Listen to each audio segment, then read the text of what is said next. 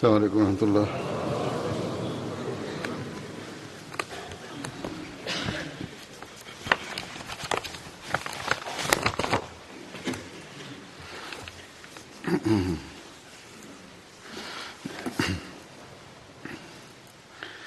أشهد أن لا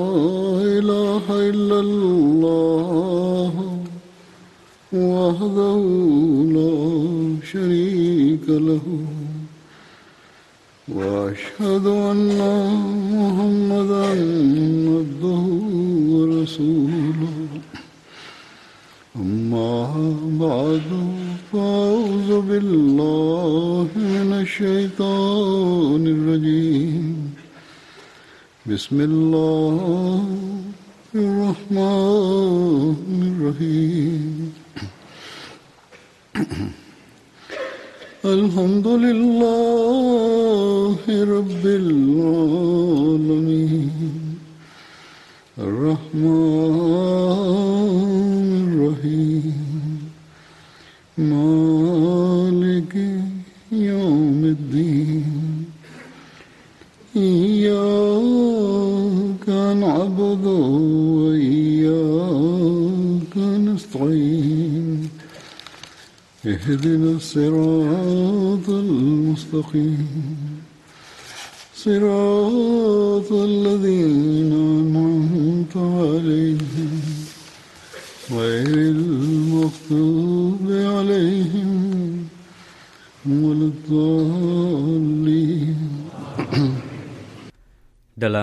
Jemaat Ahmadiyah tanggal 20 Februari diingat secara khusus berkaitan dengan nubuatan Muslim Maud. Dan di jemaat-jemaat diadakan juga acara Hari Muslim Maud. Meskipun sebelum ini pernah saya sampaikan dalam berbagai kesempatan namun perlu saya sampaikan lagi untuk para Ahmadi baru dan juga kalangan remaja bahwa Hari Muslim Maud ini diadakan bukanlah untuk merayakan hari kelahiran Hadrat Muslim Maud,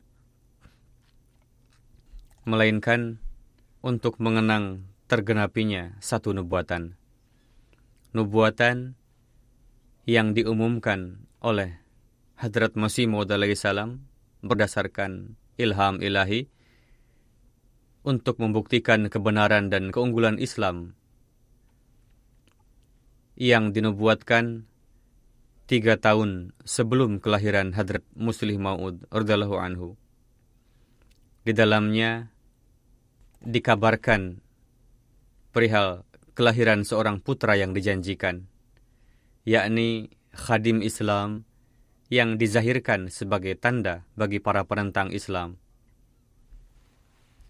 kemarin tanggal 20 Februari dan nubuatan tersebut genap 134 tahun sehingga ini merupakan tanda cemerlang sejak lebih dari masa 100 tahun yang lalu.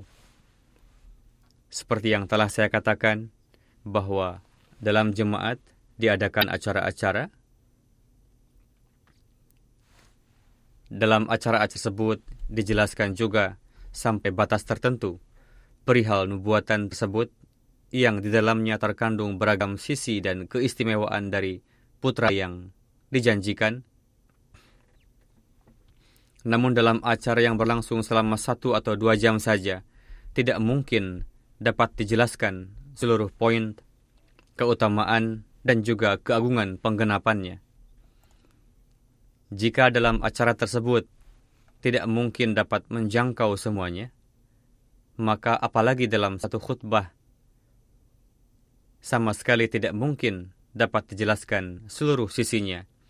Untuk itu saya berpikir untuk menyampaikan beberapa di antara poin yang telah dijelaskan oleh Hadrat Muslim Maud.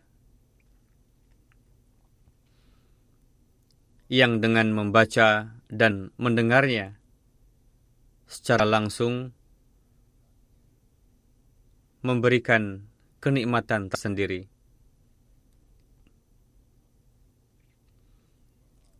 Dari rujukan singkat tersebut dapat diperkirakan betapa luasnya nubuatan tersebut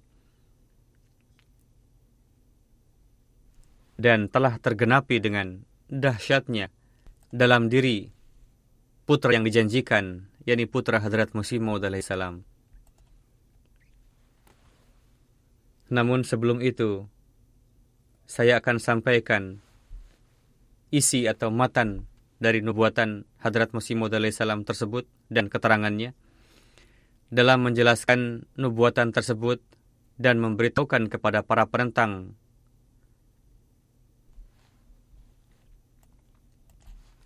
Yakni nubuatan apa saja berkenaan dengan nubuatan Muslim Maud, beliau bersabda, nubuatan pertama yang diilhamkan oleh Allah Ta'ala yang maha perkasa, maha mulia, maha penyayang, Maha Suci, dan Maha Unggul, yang berkuasa atas segala sesuatu, berbicara kepada saya melalui ilhamnya. Dia berfirman, Aku menganugerahkan sebuah tanda rahmat kepadamu, sesuai dengan apa yang telah engkau mohonkan kepadaku, maka aku telah mendengar ratapanmu, dan dengan karuniaku, aku telah memberikan pengabulan atas doa-doamu perjalananmu ke Hoshiarpur dan Ludhiana telah kujadikan penuh berkat bagimu. Maka kepadamu akan diberikan tanda kudrat, rahmat, dan kedekatan denganku. Suatu tanda karunia dan ihsan akan dikaruniakan kepadamu, dan sebuah kunci kemenangan dan keberhasilan akan diberikan kepadamu. Wahai Muzaffar, selamat atasmu, Allah Ta'ala telah berfirman demikian supaya orang-orang yang menginginkan kehidupan dapat terlepas dari genggaman maut. Dan mereka yang tertindih di dalam kubur dapat keluar, serta supaya kemuliaan Islam dan martabat kalamullah akan nyata bagi manusia. Dan supaya kebenaran itu bisa datang dengan segala berkatnya, serta kebatilan dapat lenyap dengan segala kesialannya supaya manusia mengetahui bahwa aku berbuat sesuai dengan apa yang kukehendaki, dan supaya mereka yakin bahwa aku bersama engkau.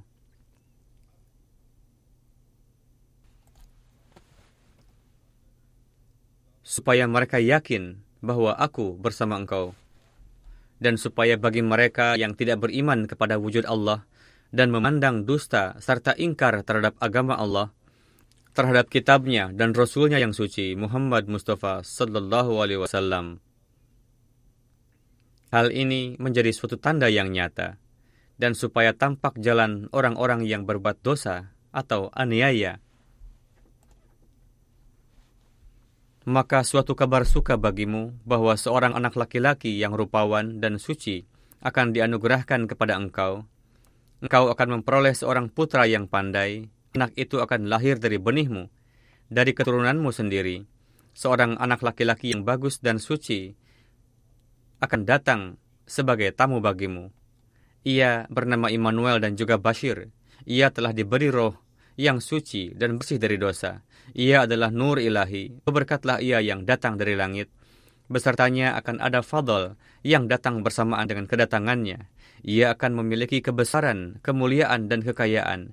Ia akan datang ke dunia ini dan akan menyembuhkan banyak orang dari berbagai penyakit melalui kekuatan kemasihannya dan melalui berkat-berkat ruh kebenarannya. Ia adalah kalimatullah, sebab rahmat dan gairat Allah Ta'ala lah yang telah mengirimkannya dari kalimah kemuliaannya. Ia akan sangat cerdas dan cerdik serta berhati lembut.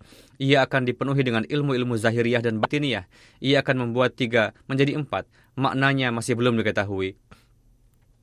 Hari Senin, beberkatlah hari Senin itu. Putra tercinta, amat harum dan mulia namanya. Ia adalah manifestasi awal dan akhir. Suatu manifestasi kebenaran dan kemuliaan. Seolah-olah Allah Ta'ala turun dari langit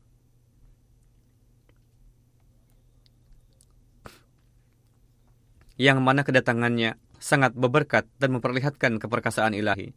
Nur datang, yaitu nur yang telah diharumi oleh Allah Ta'ala dengan wewangian keridaannya. Kami akan memasukkan roh kami ke dalam dirinya, dan naungan Allah selalu berada di atas kepalanya. Ia akan maju berkembang dengan cepat, ia akan membebaskan orang-orang yang dibelenggu, ia akan memperoleh kemasyuran, sampai ke pelosok-pelosok dunia, dan bangsa-bangsa akan memperoleh berkat darinya. Kemudian ia akan diangkat ke langit dari segi keruhaniannya. Hal ini telah ditetapkan.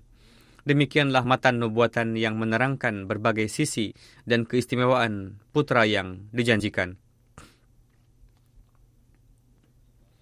Untuk memohon tanda dari Allah Ta'ala, khalwat yang beliau lakukan dan sebagai hasilnya Allah Ta'ala mengilhamkan kepada beliau yang saya sampaikan selengkapnya tadi dalam menjabarkan tempat beliau berkhalwat dan doa-doa beliau, doa-doa yang beliau panjatkan sebagai buah dari pengebulan doa dan dalam menjelaskan berkenaan dengan ilham yang hasilnya beliau nubuatkan yakni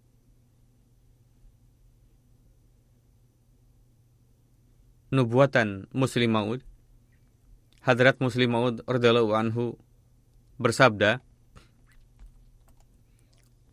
genap 58 tahun lalu, yakni ketika beliau bersabda ini, usia nubuatan genap 58 tahun, pada hari ini akan mulai 59 tahun, pada tanggal 20 Februari tahun 1886, di Hoshiarpur, di tempat ini, saat itu Hadrat Muslim Maud tengah menyampaikan khutbah di Hoshiarpur, yakni tempat tersebut,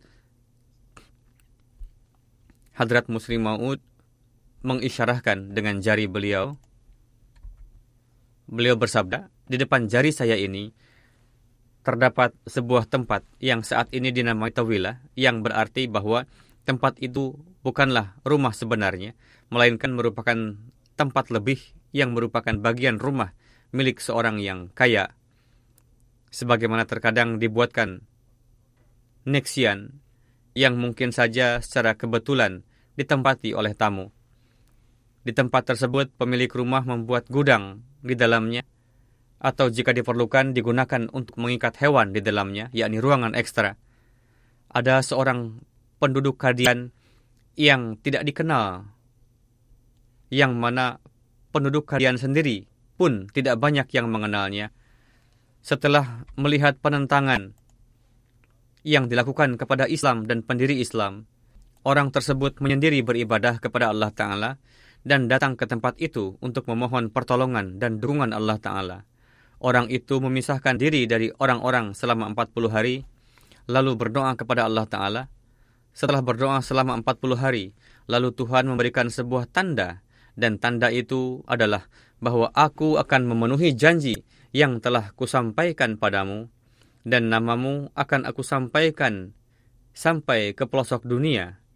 Bahkan untuk memenuhi janji tersebut, dengan lebih dahsyat lagi, aku akan berikan seorang putra padamu yang disifati dengan beberapa sifat khusus.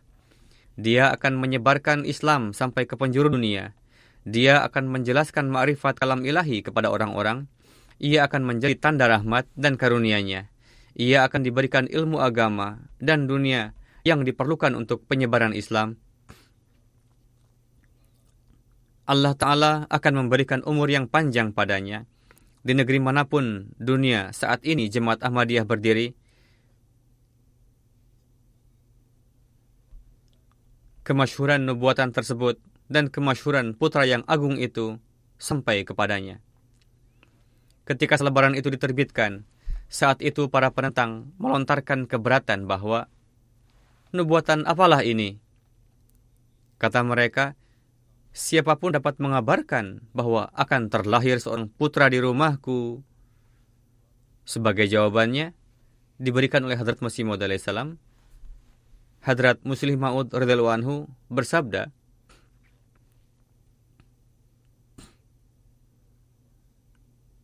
Ketika selebaran tersebut terbit, para penentang pun mulai melontarkan keberatan. Lalu pada tanggal 22 Maret 1886, beliau mengeluarkan selebaran lagi.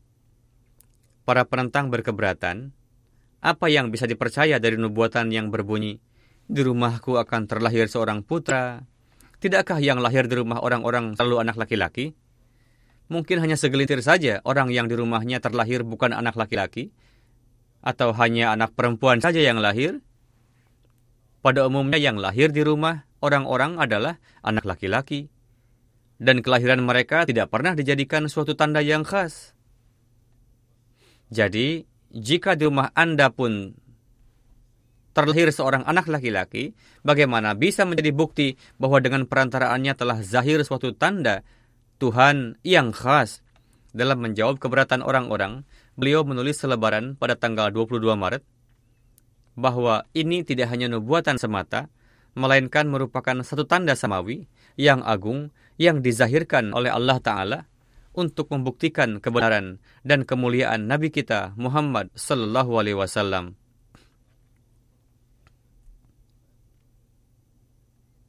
Dalam selebaran tersebut juga Hadrat Masih Maud menulis, dengan karunia Allah Ta'ala dan ihsannya, dan atas keberkatan Hadrat Khatamul Anbiya sallallahu alaihi wasallam, Allah taala mengabulkan doaku lalu menjanjikan untuk mengirimkan ruh beberkat yang keberkatan lahir dan batinnya akan menyebar ke segenap bumi dan langit. Hadrat Muslimah Anhu bersabda, masalahnya adalah jika beliau hanya mengabarkan kelahiran seorang putra di rumahnya, tetap saja kabar tersebut pada zatnya merupakan satu nubuatan karena satu bagian di dunia ini. Sekalipun itu sedikit, terdapat orang-orang yang di rumahnya tidak terlahir anak. Kedua, ketika beliau mengumumkan itu, pada saat itu beliau berusia 50 tahun lebih. Ribuan orang dijumpai di dunia ini yang telah melewati usia 50 tahun, mata rantai kelahiran anak terhenti di rumahnya. Ada juga yang di rumahnya hanya terlahir anak-anak perempuan saja. Dan ada juga yang terlahir anak laki-laki di rumahnya, namun tidak lama setelah kelahiran, anak tersebut meninggal. Semua keraguan itu ada dalam hal ini. Pertama,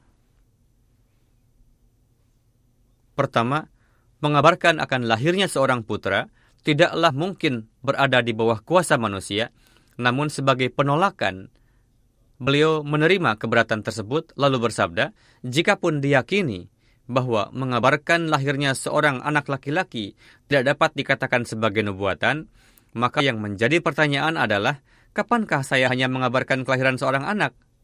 Saya tidak mengatakan bahwa di rumah saya akan terlahir seorang anak laki-laki, melainkan saya mengatakan bahwa Allah Ta'ala telah mengabulkan doaku, lalu menjanjikan akan mengirimkan satu ruh berkat yang keberkatan lahir dan batinnya akan menyebar di bumi. Sebagaimana telah saya katakan bahwa pada hari ini, dunia menjadi saksi bahwa anak yang dijanjikan ini telah meraih kemasyhuran sampai ke berbagai pelosok dunia setiap misi dunia di luar Hindustan dan luar Kadian menjadi bukti akan kebenaran beliau. Banyak sekali misi yang berdiri di dunia pada zaman Hadrat Muslim Maud. Mata rantai itu, mata rantai nizam ini terus berlangsung sampai hari ini. Sebagian orang juga melontarkan keberatan dengan mengatakan bahwa Hadrat Muslim Maud akan lahir di kemudian hari setelah suatu masa yakni setelah 100, 200 atau 300 tahun kemudian. Dalam menjelaskan hal itu, yakni atas alasan apa Hadrat Masih Maud salam memohon tanda dan kenapa kelahirannya dan pemenuhan tanda tersebut perlu terjadi pada zaman beliau, Hadrat Muslim Maud bersabda, Sebagian orang mengatakan bahwa wujud Muslim Maud itu akan terlahir dalam jangka waktu 300-400 tahun kemudian dari keturunan Hadrat Masih Maud salam di masa yang akan datang. Ya, ini kata mereka tidak akan datang pada masa Hadrat Masih Maud salam. Namun orang-orang yang mengatakan demikian, mereka tidak takut dengan Allah Ta'ala. Coba perhatikan dan renungkan bunyi dari nubuatan tersebut. Hadrat Masih Maud salam menulis bahwa pada masa ini dilontarkan keberatan kepada Islam dengan mengatakan bahwa Islam tidak mampu menampilkan tanda samawi. Sebagaimana Pandit Lekram melontarkan keberatan, jika memang Islam itu agama yang benar, coba perlihatkan tanda. Endarman juga melontarkan keberatan, jika memang Islam itu agama yang benar, coba perlihatkan tanda.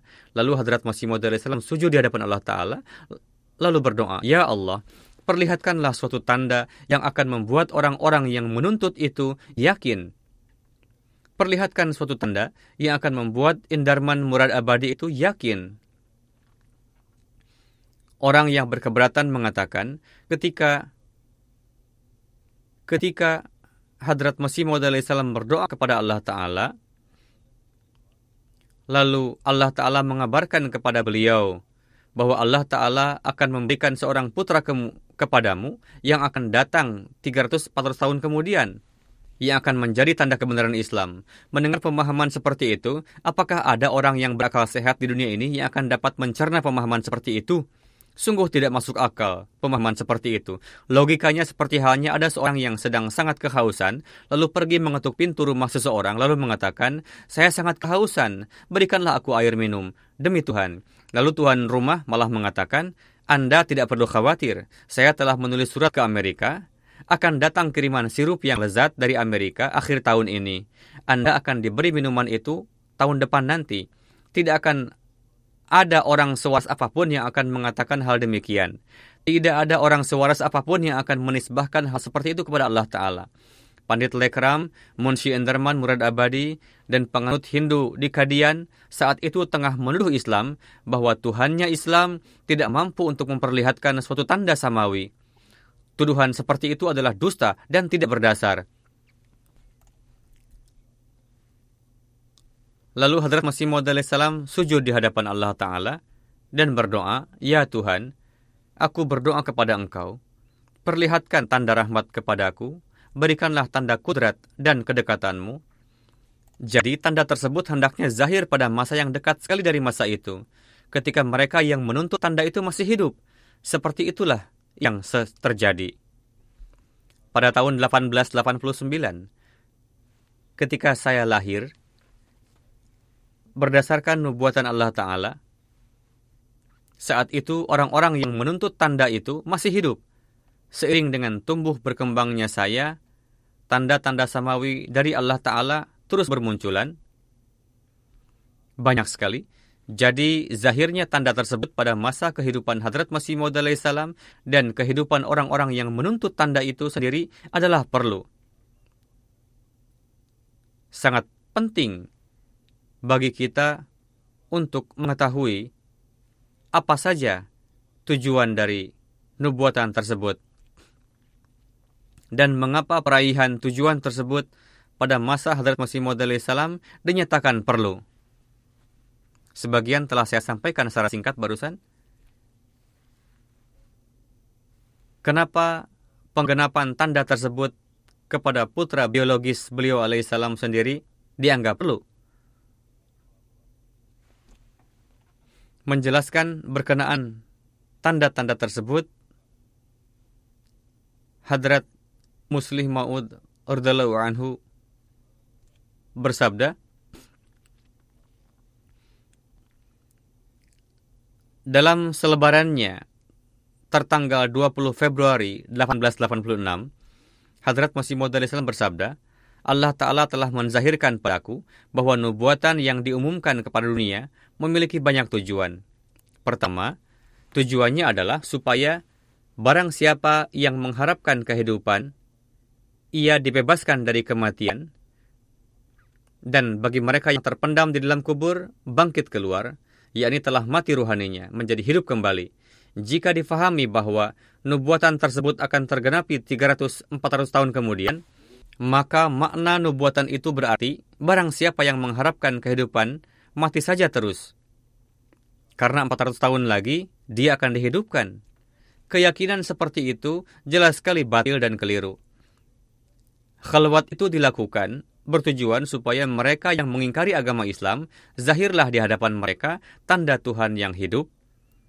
Dan bagi mereka yang mengingkari karomah hadrat Rasulullah SAW, dapat meraih bukti kuat dan segar bahwa saat ini pun Allah Ta'ala masih menzahirkan tanda-tandanya sebagai dukungan kepada Islam dan Rasulullah Sallallahu Alaihi Wasallam. Kalimat ilham yang menjelaskan tujuan dari nubuatan itu adalah Tuhan mengatakan demikian, yakni supaya mereka yang mengharapkan kehidupan dapat meraih keselamatan dari cengkraman maut, dan mereka yang terpendam di dalam kubur dapat bangkit keluar. Jika saja pandangan mereka dianggap benar, yang mengatakan bahwa Muslim Maud akan datang 300-400 tahun lagi kemudian, Berarti penjelasan dari kalimat tadi adalah seperti ini, yakni nubuatan ini disampaikan supaya orang-orang yang mengharapkan kehidupan biar saja tetap mati, lalu 300-400 tahun kemudian akan dihidupkan sebagian orang dari antara keturunan mereka. Namun apakah akan ada orang yang dapat meyakini kalimat tersebut? Kedua, nub nubuan itu nubuatan itu bertujuan supaya kemuliaan agama Islam lahir dan martabat kalam ilahi nampak kepada setiap orang. Bahwa kemuliaan agama Islam saat ini belum zahir kepada orang-orang. Begitu juga martabat kalamullah belum zahir kepada orang-orang lalu dikatakan bahwa Allah taala menebuatkan ini supaya kemuliaan agama Islam dan martabat kalamullah dizahirkan kepada orang-orang 300 atau 400 tahun kemudian ketika mereka sendiri sudah tiada. Begitu juga anak keturunan mereka ketika Pandit Lekram sudah tiada. Begitu juga Munshi, Andraman, Murad Abadi sudah tiada. Tidak juga anak keturunan mereka dan juga anak keturunan dari keturunan mereka sudah tiada, ba, tiada baru kemuliaan Islam dan martabat kalam ilahi akan dizahirkan. Apakah akan ada orang yang berakal yang membenarkan makna tersebut? Tujuan ketiga, dinubuatkan untuk tujuan supaya hak kebenaran tampil disertai dengan segenap keberkatannya dan kebatilan sirna dengan segenap kesialannya. Maknanya pun jelas bahwa kebenaran pada saat itu lemah dan kebatilan unggul Allah Ta'ala menghendaki supaya zahir tanda yang secara akal dan ilmu sempurnalah hujah bagi para penentang Islam, sehingga mereka terpaksa mengakui bahwa Islam adalah hak dan sekian banyak agama yang tampil melawannya, kesemuanya adalah batil. Tujuan keempat dari nubuatan tersebut adalah supaya orang-orang mengerti bahwa aku adalah maha kuasa dan dapat melakukan apa yang aku kehendaki hal yang perlu direnungkan adalah dalam corak tersebut, bagaimana orang-orang dapat memahami bahwa Tuhan Maha Kuasa. Jika dikatakan bahwa akan zahir suatu tanda setelah 300 atau 400 tahun berlalu, yang akan membuat kalian terpaksa mengakui bahwa Tuhannya Islam adalah Maha Kuasa.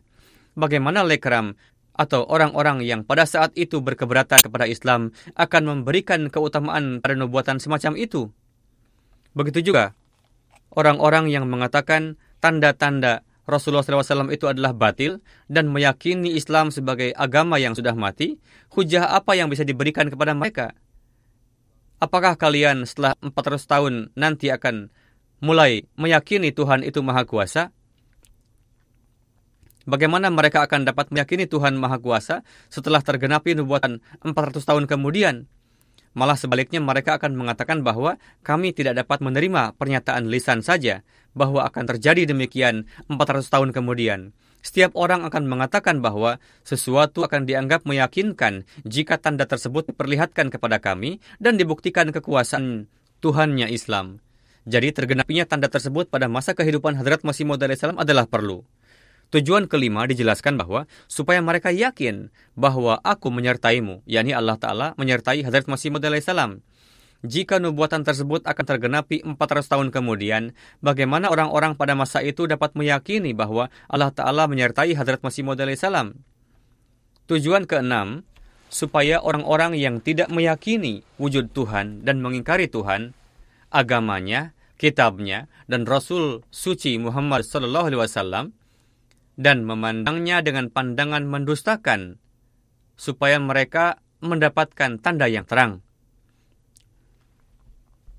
Maknanya bahwa orang-orang yang mendustakan Islam pada zamanku, aku aku nubuatkan di hadapan mereka pada zaman Hadrat Masih Maud salam supaya mereka mendapatkan tanda terang akan kebenaran Islam. Namun jika tanda itu didapatkan 400 tahun kemudian, ketika orang-orang pada saat itu, juga keturunannya, bahkan keturunan dari keturunannya tidak ada yang hidup lagi. Pemahaman seperti itu tidak dapat dicerna akal sehat. Tujuan ketujuh, nubuatan itu disampaikan supaya zahirlah cara-cara yang ditempuh oleh para pendosa dan menjadi tahu bahwa mereka adalah pendusta Lantas bagaimana orang-orang pada zaman itu dapat mengetahui wujud yang akan datang 400 tahun kemudian? Jadi, nubuatan tersebut akan digenapi oleh keturunan Hadrat Masih Maud salam sendiri, sebagaimana tertulis dalam nubuatan bahwa wujud tersebut akan berasal dari benihmu dan anak keturunanmu, bukan dari keturunan pada masa kemudian. Dalam hal ini berkenaan dengan putra beliau sendirilah dan itu tergenapi dengan dahsyatnya. Masa kekhalifahan Hadrat Muslim Maud yang berlangsung selama 52 tahun telah zahir kepada dunia seperti seberkas sinar yang terang berkenaan dengan jasa-jasa beliau dalam bidang ilmu dan ma'rifat diakui oleh non-Ahmadi sekalipun. Selengkapnya, kita akan jumpai dalam literatur jemaat, jika itu disampaikan akan memakan banyak waktu. Hadrat Khalifatul Masih yang kedua, radhiyallahu anhu bersabda, "Akulah Muslim Maud."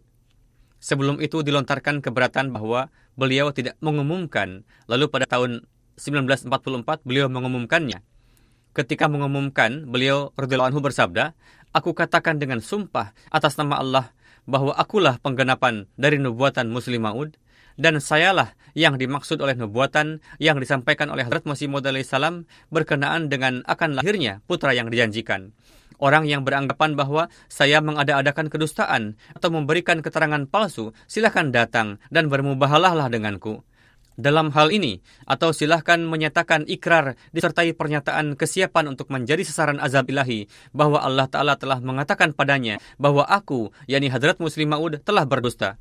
Lalu dengan sendirinya Allah Ta'ala akan memutuskan melalui tanda-tanda semawi siapa yang pendusta dan siapa yang benar. Dalam hal ini, tidak ada yang tampil apakah dari kalangan penentang jemaat ataupun mereka yang memisahkan diri dari jemaat. Jika seandainya mereka mengatakan bahwa mimpi memang benar, sebagaimana yang dikatakan oleh Misri Sahib, yakni beberapa telah murtad, lantas silahkan tulis suatu makalah yang mendukung kebenaran hal itu, dan aku akan menjawabnya.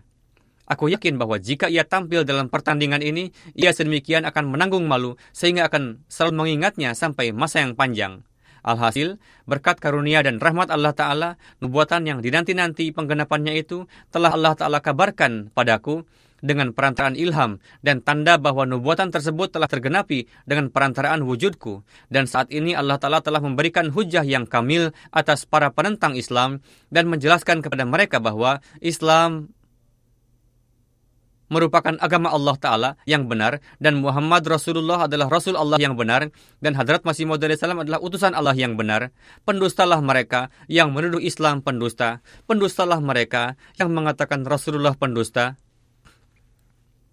Dengan perantaraan nubuatan agung ini, Allah Ta'ala telah memberikan bukti hidup kepada orang-orang akan kebenaran Islam dan Rasulullah.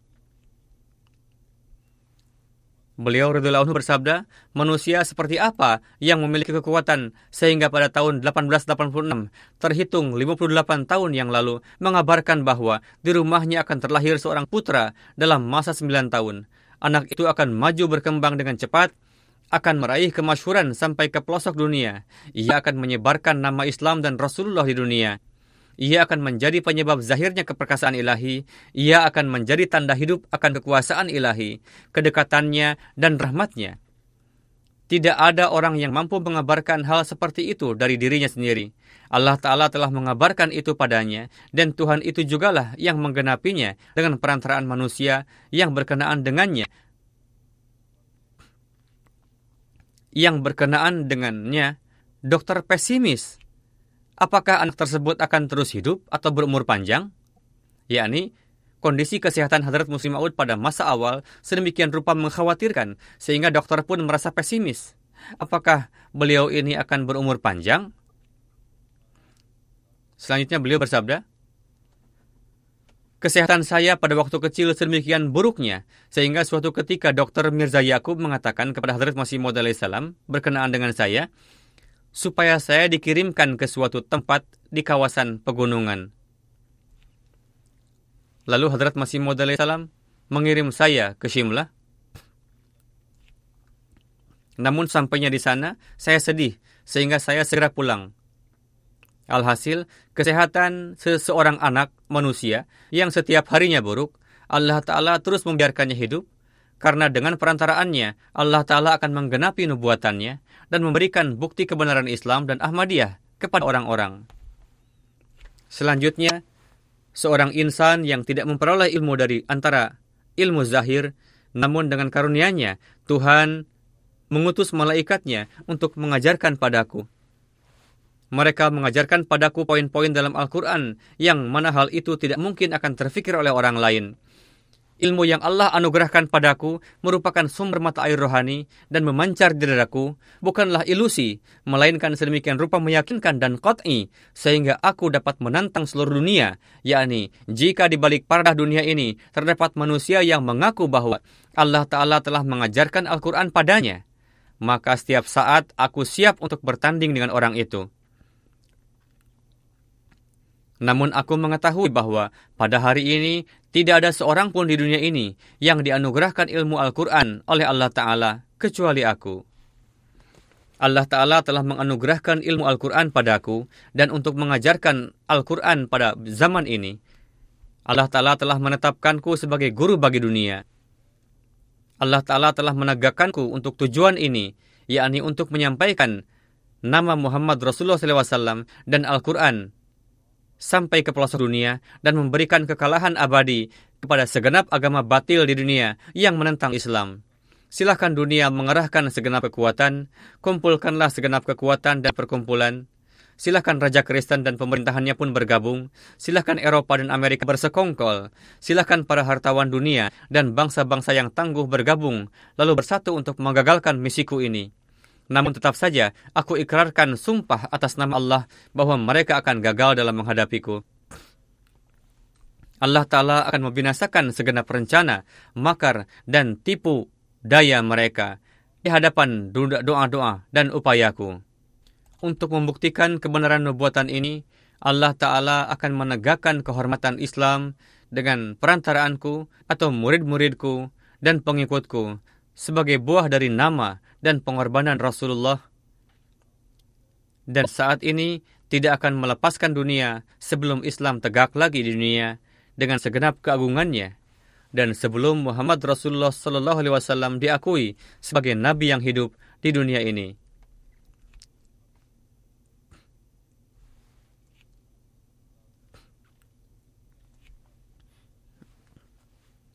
Alhasil ini bukanlah pengumuman yang biasa-biasa saja, seperti yang telah saya katakan, masa kekhalifahan beliau yang berlangsung selama 52 tahun menzahirkan kedahsyatannya setiap hari. Beliau bersabda, Wahai kawan-kawanku, aku tidaklah gandrung untuk mendapatkan suatu kehormatan. Aku pun tidak berharap mendapatkan tambahan umur sebelum Tuhan menzahirkannya padaku. Yang aku harapkan adalah karunia Allah Ta'ala dan aku memiliki keyakinan penuh bahwa dalam menegakkan kehormatan Rasulullah dan Islam dan menegakkan kembali Islam di atas kakinya sendiri dan dalam mengalahkan Kristen sepak terjangku yang lalu maupun yang akan datang insya Allah akan memberikan andil di dalamnya. Di antara tumit yang akan melumatkan kepala syaitan dan akan mengalahkan agama Kristen, salah satunya adalah tumitku, insya Allah. Aku persembahkan kebenaran ini ke hadapan dunia secara terbuka. Suara ini merupakan suara Tuhan langit dan bumi. Kehendak ini merupakan kehendak Tuhan langit dan bumi. Kebenaran ini tidak akan terelakkan. Tidak akan terelakkan dan tidak akan terelakkan. Islam akan unggul di dunia ini, insya Allah Ta'ala. Agama Kristen akan kalah di dunia ini. Tidak ada lagi penolong dan yang dapat menyelamatkan agama Kristen dari seranganku. Allah Ta'ala akan mengalahkannya dengan perantaraan tanganku. Jika tidak dalam kehidupanku, dia akan melumatkannya sehingga tidak akan mampu lagi untuk mengangkat kepala atau atau dengan perantaraan benih yang kutanam yang selanjutnya akan tumbuh pohon yang di hadapannya agama Kristen akan layu layaknya ilalang yang kering. Di berbagai penjuru dunia, panji Islam dan Ahmadiyah akan nampak berkibar pada puncak ketinggian. Pada kesempatan ini, di satu sisi saya berikan kabar suka kepada Anda semua bahwa di hadapan Anda semua Allah Ta'ala telah menggenapi nubuatan Hadrat Masih Maud salam ini yang berkaitan dengan Muslim Maud. Di sisi lain pun, saya ingin menarik perhatian Anda semua akan tanggung jawab yang ada di pundak Anda. Anda semua yang menjadi saksi pengumuman ini, yang membenarkan bahwa saya adalah Muslim Maud, Kewajiban Anda yang pertama adalah ciptakanlah perubahan di dalam diri Anda dan bersiaplah untuk menumpahkan darah hingga tetes penghabisan demi kemenangan dan kesuksesan Islam dan Ahmadiyah. Tentu saja Anda boleh merasa senang. Anda boleh bergembira atas penzahiran nubuatan ini. Anda boleh berbahagia karena Allah Ta'ala telah menyempurnakan nubuatan ini. Bahkan saya katakan, sungguh Anda harus merasa senang karena Hadrat Masih Maud Islam sendiri menulis bahwa bergembiralah kalian dan bersukacitalah setelah nubuatan ini. Kemudian beliau, Rudollah Anhu bersabda, bersukacitalah kalian karena sebagaimana telah saya katakan, setelah ini akan datang cahaya pendek kata, saya tidak melarang kalian untuk bergembira, saya tidak melarang kalian untuk bersuka cita. Tentu saja, rayakanlah kegembiraan dan bersukacitalah. Namun saya katakan, di tengah kegembiraan dan sukacita ini, janganlah kalian melupakan tanggung jawab-tanggung jawab kalian. Sebagaimana yang Allah Ta'ala telah perlihatkan kepada saya di dalam ru'ya, bahwa saya akan berlari dengan cepat dan tanah berkumpul di bawah telapak kaki saya. Demikian juga Allah Ta'ala mengabarkan kepada saya melalui ilham bahwa saya akan tumbuh dengan cepat. Singkatnya, telah ditakdirkan bagi saya bahwa saya akan melangkahkan kaki saya di medan kemajuan dengan pesat dan cepat. Namun seiring dengan itu, Anda pun berkewajiban untuk mempercepat langkah Anda dan meninggalkan kemalasan Anda. Mubaraklah bagi mereka yang menyeimbangkan langkah mereka dengan langkah saya dan berlari dengan cepat di medan kemajuan. Dan semoga Allah Ta'ala mengasihi mereka yang malas dan lalai, serta tidak mempercepat langkah mereka dan alih-alih melangkah ke medan kemajuan, mereka malah memalingkan langkahnya ke belakang, layaknya orang-orang munafik.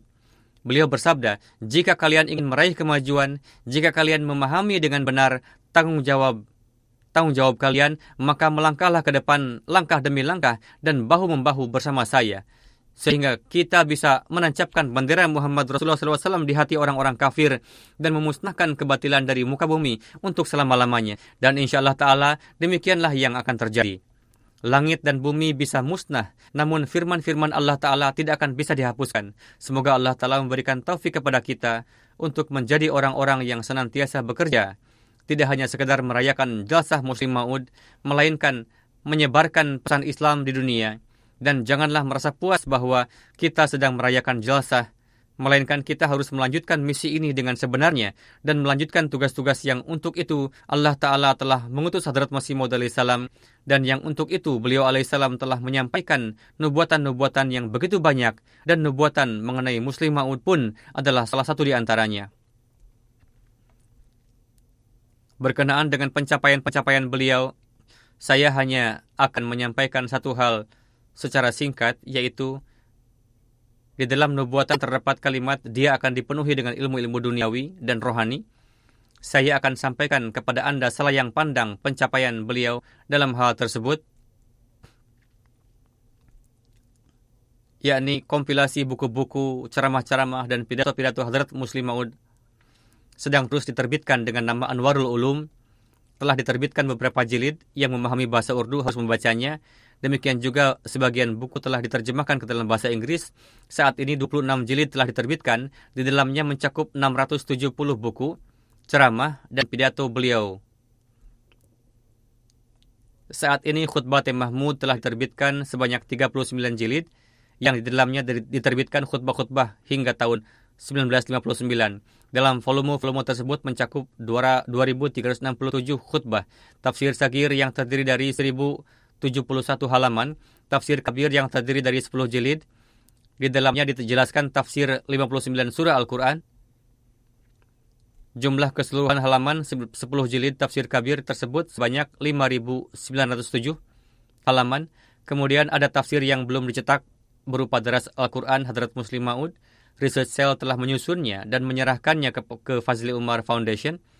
Deras Quran tersebut sendiri dari 3.000 94 halaman. Setelah itu saya meminta kepada Research Cell untuk mengkompilasi tafsir Quran dari tulisan-tulisan dan sabda-sabda Hadrat Muslim Ma'udhullah Anhu yang pengerjaannya telah dimulai dan hingga saat ini telah terkompilasi tafsir ter sebanyak 9.000 halaman. Ini adalah sekilas ulasan pencapaian beliau radhiyallahu anhu. Namun Hadrat Khalifatul Masih Al-Salis pun pernah menyampaikan ulasan seperti itu di masa beliau saya akan bacakan juga kutipan dari Hadrat Khalifatul Masih Al-Salis.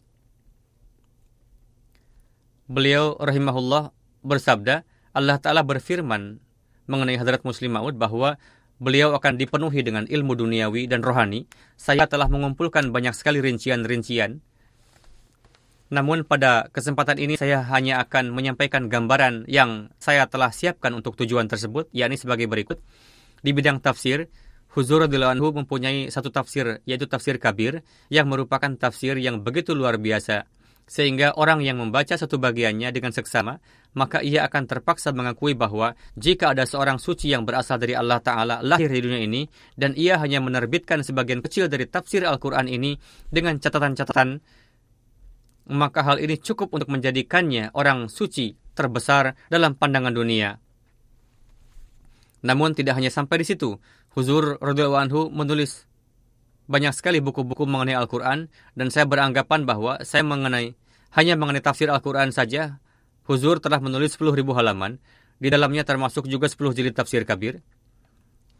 Hadrat Muslim Ma'ud menulis 10 buku dan artikel mengenai ilmu kalam. Beliau menulis 31 buku dan artikel mengenai kerohanian, akhlak islami dan akidah Islam 13 buku dan artikel mengenai sirat, empat buku dan artikel mengenai tarikh, tiga buku dan artikel mengenai fikih, 25 buku dan artikel mengenai politik sebelum partisi India-Pakistan, 9 buku dan artikel mengenai politik setelah partisi India-Pakistan, 15 buku, dan artikel mengenai politik Kashmir, 99 buku, dan artikel mengenai Ahmadiyah dari berbagai aspek. Semuanya itu berjumlah lebih dari 225 buku dan artikel. Pada saat itu Hadrat Khalifatul Masih yang ketiga mungkin belum mendapatkan informasi atau data selengkapnya. Saat ini tersedia data-data yang lebih banyak lagi dari itu. Hadrat Khalifatul Masih yang ketiga bersabda, sebagaimana telah difirmankan dalam ilham bahwa beliau akan dipenuhi dengan ilham dunia dengan ilmu dunia dan kerohanian, jika kita melihat sepintas saja pada karya-karya tersebut, maka nampak di dalamnya ilmu-ilmu duniawi maupun ilmu-ilmu rohani. Dan yang menjadi luar biasa adalah ketika beliau menulis sebuah buku atau artikel, maka setiap orang mengatakan bahwa tidak mungkin bisa ditulis yang lebih baik lagi dari ini ketika beliau mengemban kepemimpinan dalam perpolitikan atau ketika kapan pun beliau sebagai pemimpin memberikan saran-saran mengenai politik, lawan yang paling besar sekalipun terpaksa mengakui kemampuan beliau yang tiada bandingannya. Singkatnya, pembahasan berkenaan dengan dipenuhinya Hadrat Muslim Maud radhiyallahu dengan ilmu duniawi dan rohani sangatlah luas, yang seperseribunya pun saya tidak bisa menyampaikannya. Saya hanya menyampaikan kepada Anda gambaran umumnya saja, dan saya mencukupkannya sampai di sini. Semoga Allah telah menurunkan rahmatnya kepada beliau radhiyallahu anhu dan setiap saat senantiasa meninggikan derajat beliau, dan semoga kita dapat menciptakan di dalam diri kita keperihan untuk menyebarkan Islam seperti halnya putra dari Hadrat Masih Maud salam ini dan setiap saat selalu siap untuk mengkhidmati Islam. Dan semoga kita termasuk dalam golongan orang-orang yang mengkhidmati agama bukan ke dalam golongan orang-orang yang mengenai mereka Hazrat Masih Maud Islam bersabda, jangan sampai di masa beliau nama-nama jemaat ini menjadi tercemar. Semoga tidak ada orang-orang yang mencemarkan nama baik jemaat ini, melainkan semoga banyak orang-orang yang terus melangkah maju dalam pengkhidmatan. Setelah salat Jumat, saya akan memimpin dua salat jenazah gaib. Yang pertama, yang terhormat almarhum Nyonya Maryam Elizabeth, yang merupakan istri kedua dari yang terhormat Tuan Malik Umar Ali Kokhar, Amir Multan yang terdahulu. Beliau wafat di usia 86 tahun dikarenakan sebuah kecelakaan. Innalillahi wa inna ilaihi raji'un. Beliau bersama dengan putrinya sedang berada di dalam lift. Kecelakaan terjadi dikarenakan kerusakan lift tersebut. Putri beliau pun terluka dan dirawat di rumah sakit, namun beliau tidak selamat. Beliau seorang kebangsaan Jerman dan tinggal di Hamburg. Beliau lahir pada tahun 34. Pada tahun 52 beliau bayat dan menikah dengan Tuan Malik Umar Ali Kokhar. Kemudian beliau pindah ke Pakistan. Setelah kewafatan suaminya, almarhum pulang ke Jerman, kemudian kembali lagi ke Pakistan. Beliau seorang musiah. seorang yang dawam melaksanakan salat dan puasa, sangat memperhatikan untuk melaksanakan salat tepat waktu, membayar candah dengan teratur, dan biasa menilawatkan Al-Quran secara dawam sebelum terbenam dan terbitnya matahari. Beliau melaksanakan puasa secara dawam. Putra-putri beliau menuturkan bahwa beliau menikah dengan ayah pada tahun 52 Pada waktu itu mubalik Jerman yang terhormat Tuan Abdul Latif membayatkan beliau dan menikahkannya. Setelah menikah beliau pindah ke Pakistan, kemudian beliau tinggal bersama dengan ibu kami, yakni istri pertama dari Tuan Malik Umar Ali, Nyonya Sajidah Begum Saibah, yang merupakan putri dari Hadrat Mir Muhammad Ishaq. Dan beliau sangat menghormati istri pertama dari Tuan Malik. Setelah datang ke Pakistan, beliau mulai belajar salat dan membaca Al-Quran.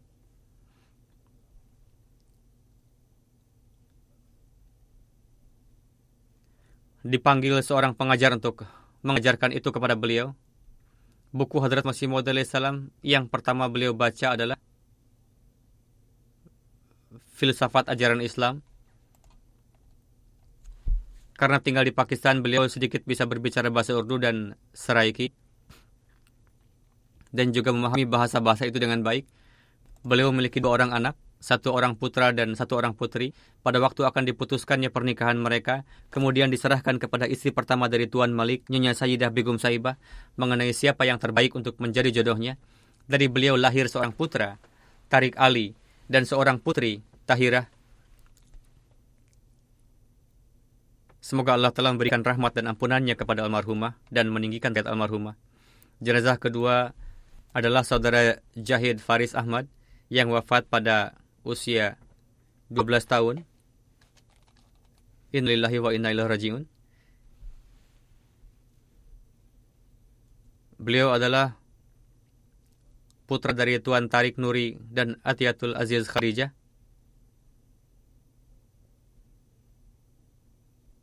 Kakek almarhum adalah Tuan Faruk Ahmad Khan yang merupakan cucu pertama dari Hadrat Nawab Amatul Hafiz Begum Sahibah.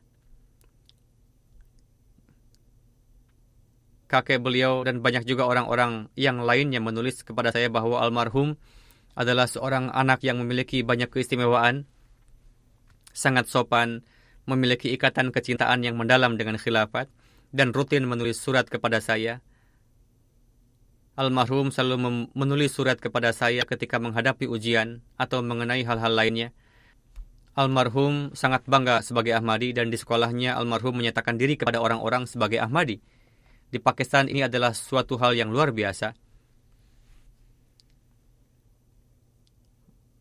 Almarhum secara rutin menyimak khutbah dan seorang wakfenau juga.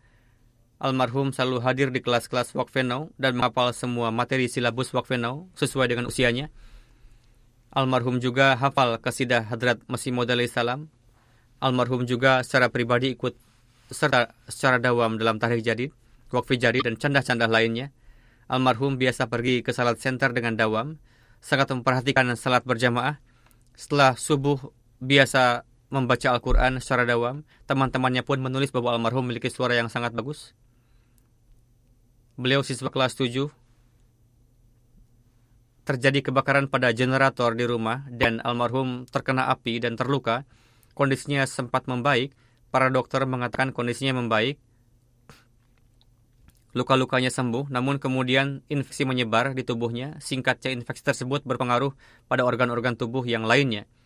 Dikarenakan infeksi ini, almarhum wafat di rumah sakit. Kita yakin anak di usia tersebut masih maksum, suci dari dosa, tentunya almarhum ahli surga. Semoga Allah telah memberikan Semoga Allah telah memberikan tempat kepada almarhum di dekatnya. Ibunya yang telah merawat almarhum, ayahnya tidak pernah menanyakannya sepanjang hidupnya karena telah bercerai. Jadi ibunya dan kakek neneknya lah yang membesarkannya. Semoga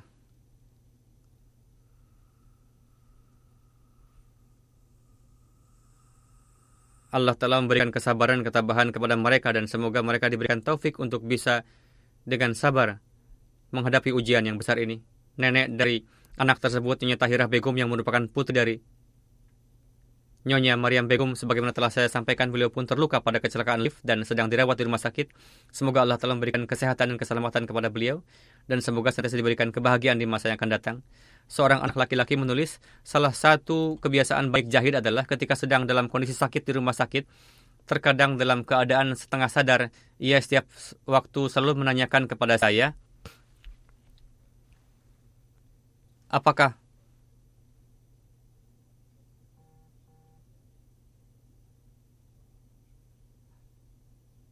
apakah saya sudah salat atau belum?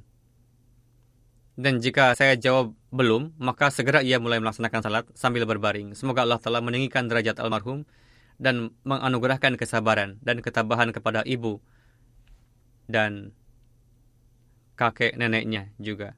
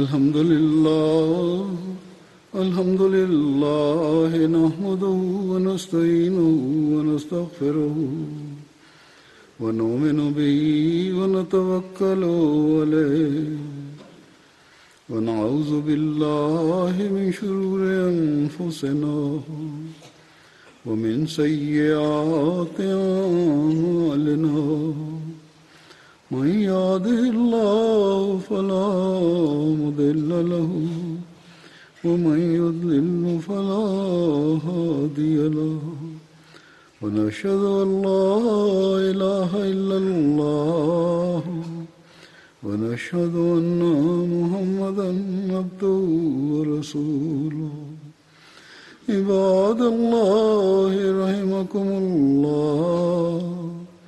إن الله يأمر بالعدل واللسان وإيتاء ذي القربى وينهى عن الفحشاء والمنكر والبغي يعظكم لعلكم تذكرون.